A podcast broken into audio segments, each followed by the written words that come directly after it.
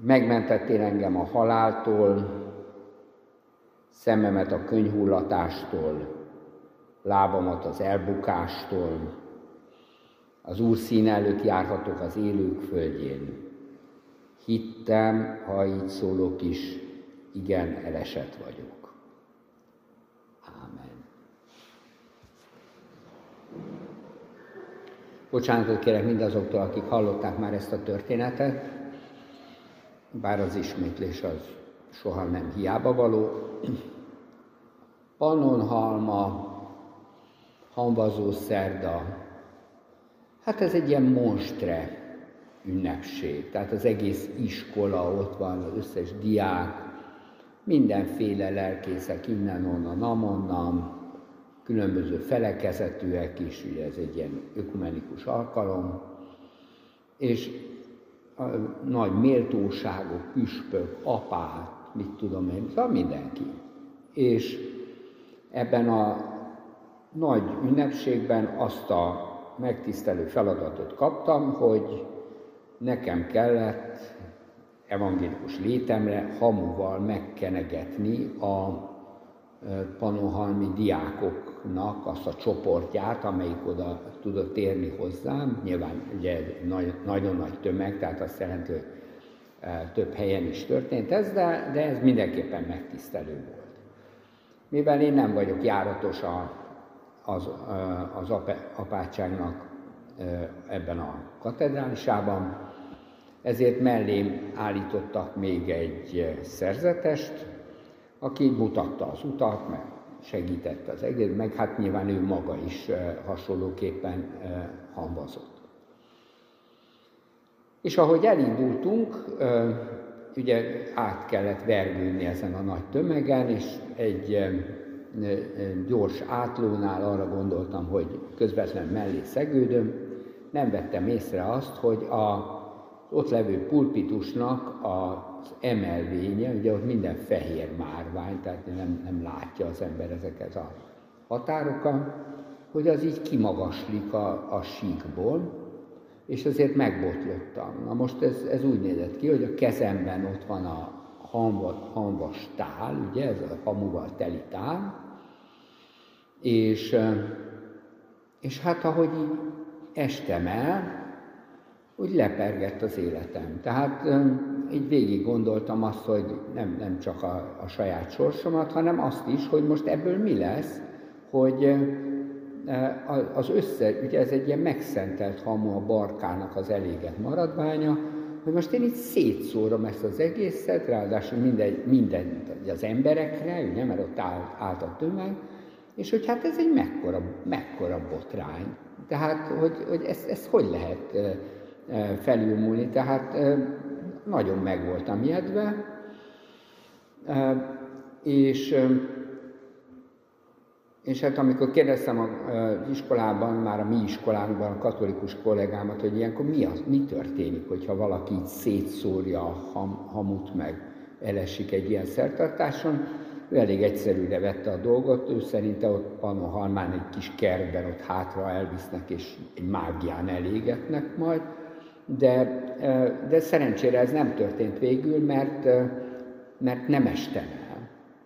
Tehát megbotlottam, nagyon-nagyon izgalmas volt, de végül nem estem el, hanem talpon maradtam, és aztán mindenkit behanvasztam rendre. A, a, a döntéseinket körülbelül ugyanígy állunk.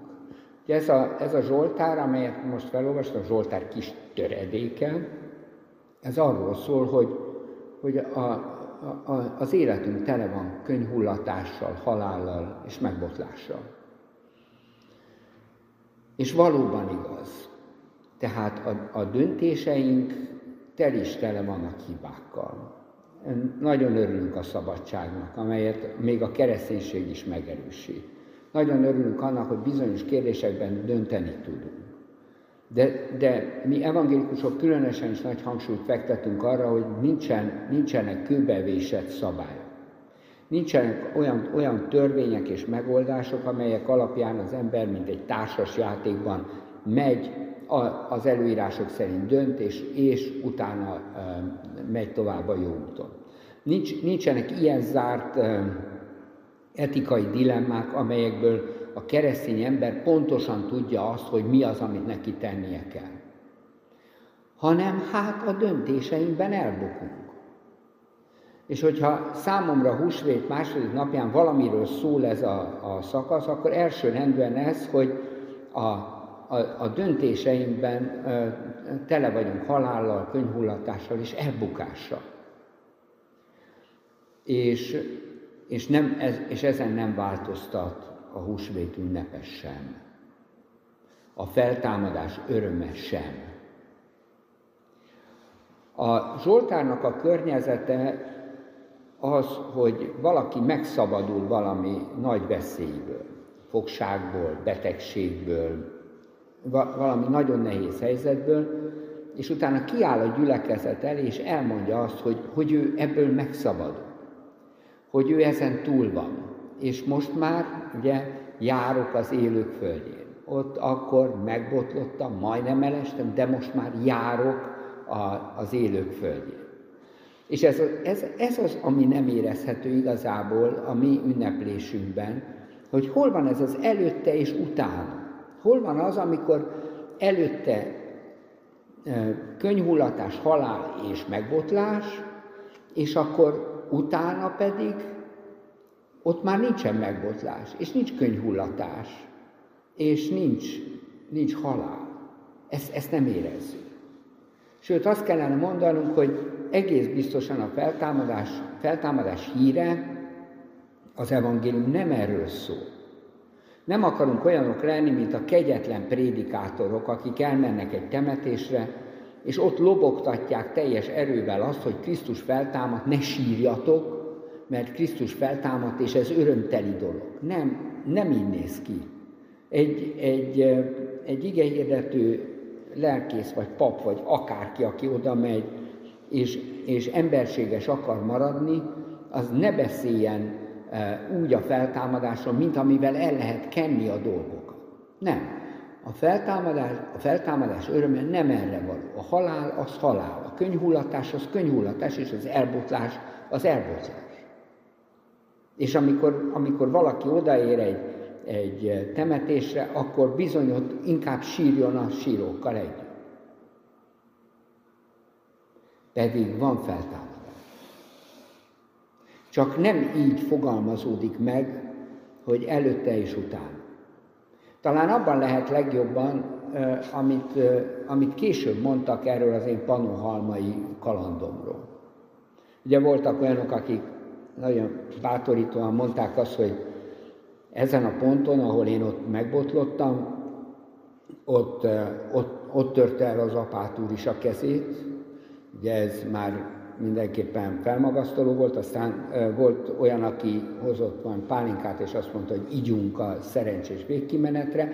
Ezek is jók, de a, a, a legerősebb azért mégis az volt, hogy, hogy azt mondta valaki, hogy egy, egy ilyen szerzetes azt mondta, hogy no az atyával, ugye az, ebben a helyzetben én voltam, az atyával vele volt a védő angyal és nem tudom ki, hogy van ezzel a védőangyal hittel, de ez annyira nem, nem érdekes, de az biztos, hogy Isten, Isten az emberrel ott van az elbotlásnál. És hogyha kellene valami, valamit mondani tényleg a feltámadás hitéről, akkor, akkor minden bizonyal az, hogy a feltámadásban érezzük azt, hogy Isten nem engedi el az embert. Nem engedi el akkor sem, ha meghal. Nem tűnik el az életünk, a sorsunk, minden, amik, amik, mi, amik mi vagyunk, hanem, hanem a, a, megfogja a kezünket, és fölemel, és, és föltámaszt. Nem az, a, nem, nem az történik, hogy előtte megbotlottunk, és most már majdnem botlunk meg, hanem az történik, hogy elbotlunk, de Isten nem engedi azt, hogy mi ott maradjunk fekve hanem fölemel. Ugye ez a fölemelés mozzanata, ez, ez a feltámadás mozzanata.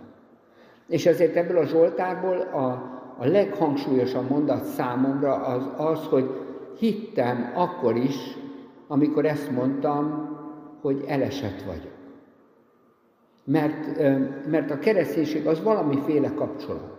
Valami olyan kapcsolat, amelyikben az ember nem csak bátran elbotolhat, nem csak bátran ejthet könnyeket, nem csak bátran merhet félni a haláltól, hanem egyidejűleg azt is átéli, hogy ezekben nincsen magára hagyva, hanem ott van vele Isten, aki, aki nagyon megértő a könyhullatásunkkal, a halálfélelmünkkel, és a megbotlásainkkal, és az elesettségünkkel. És ezért, ezért a feltámadásnak igaz lehet az örömhíre minnyájunk számára. De nem arról van szó, hogy van egy, egy elvont örömhír, ami, ami hát biztos vonatkozik valakire, vagy valami távoli jövőnek a reménysége, hanem hétköznapi eseményünké válhat az, hogy ott van velünk Isten. Hogy, hogy hétköznapi eseményé válhat az, amiről tegnap szó volt, hogy a dolgok jóra fordulnak, hogy mindenképpen jóra fordulnak. Hétköznapi eseményé válhat annak az átélése, hogy igen, elesem, lent vagyok a földön, de nem vagyok eltiporva, nem vagyok, nem vagyok ö, ö, betemetve, hanem Isten keze utánam nyúl. Ez a feltámadás örömhíre. És mi minnyáján, akik elbotló emberek vagyunk, mi minnyáján, akik könnyed hullatunk, mi minnyáján, akik a halállal viaskodunk, átélhetjük azt, hogy amikor ebben a nagy hallelujázós húsvétban találkozunk Istennel, akkor ő nem mindig így hallelujázik, hanem csendben megérte a mi törékenységünket, lehajol hozzánk, és fölemel minket.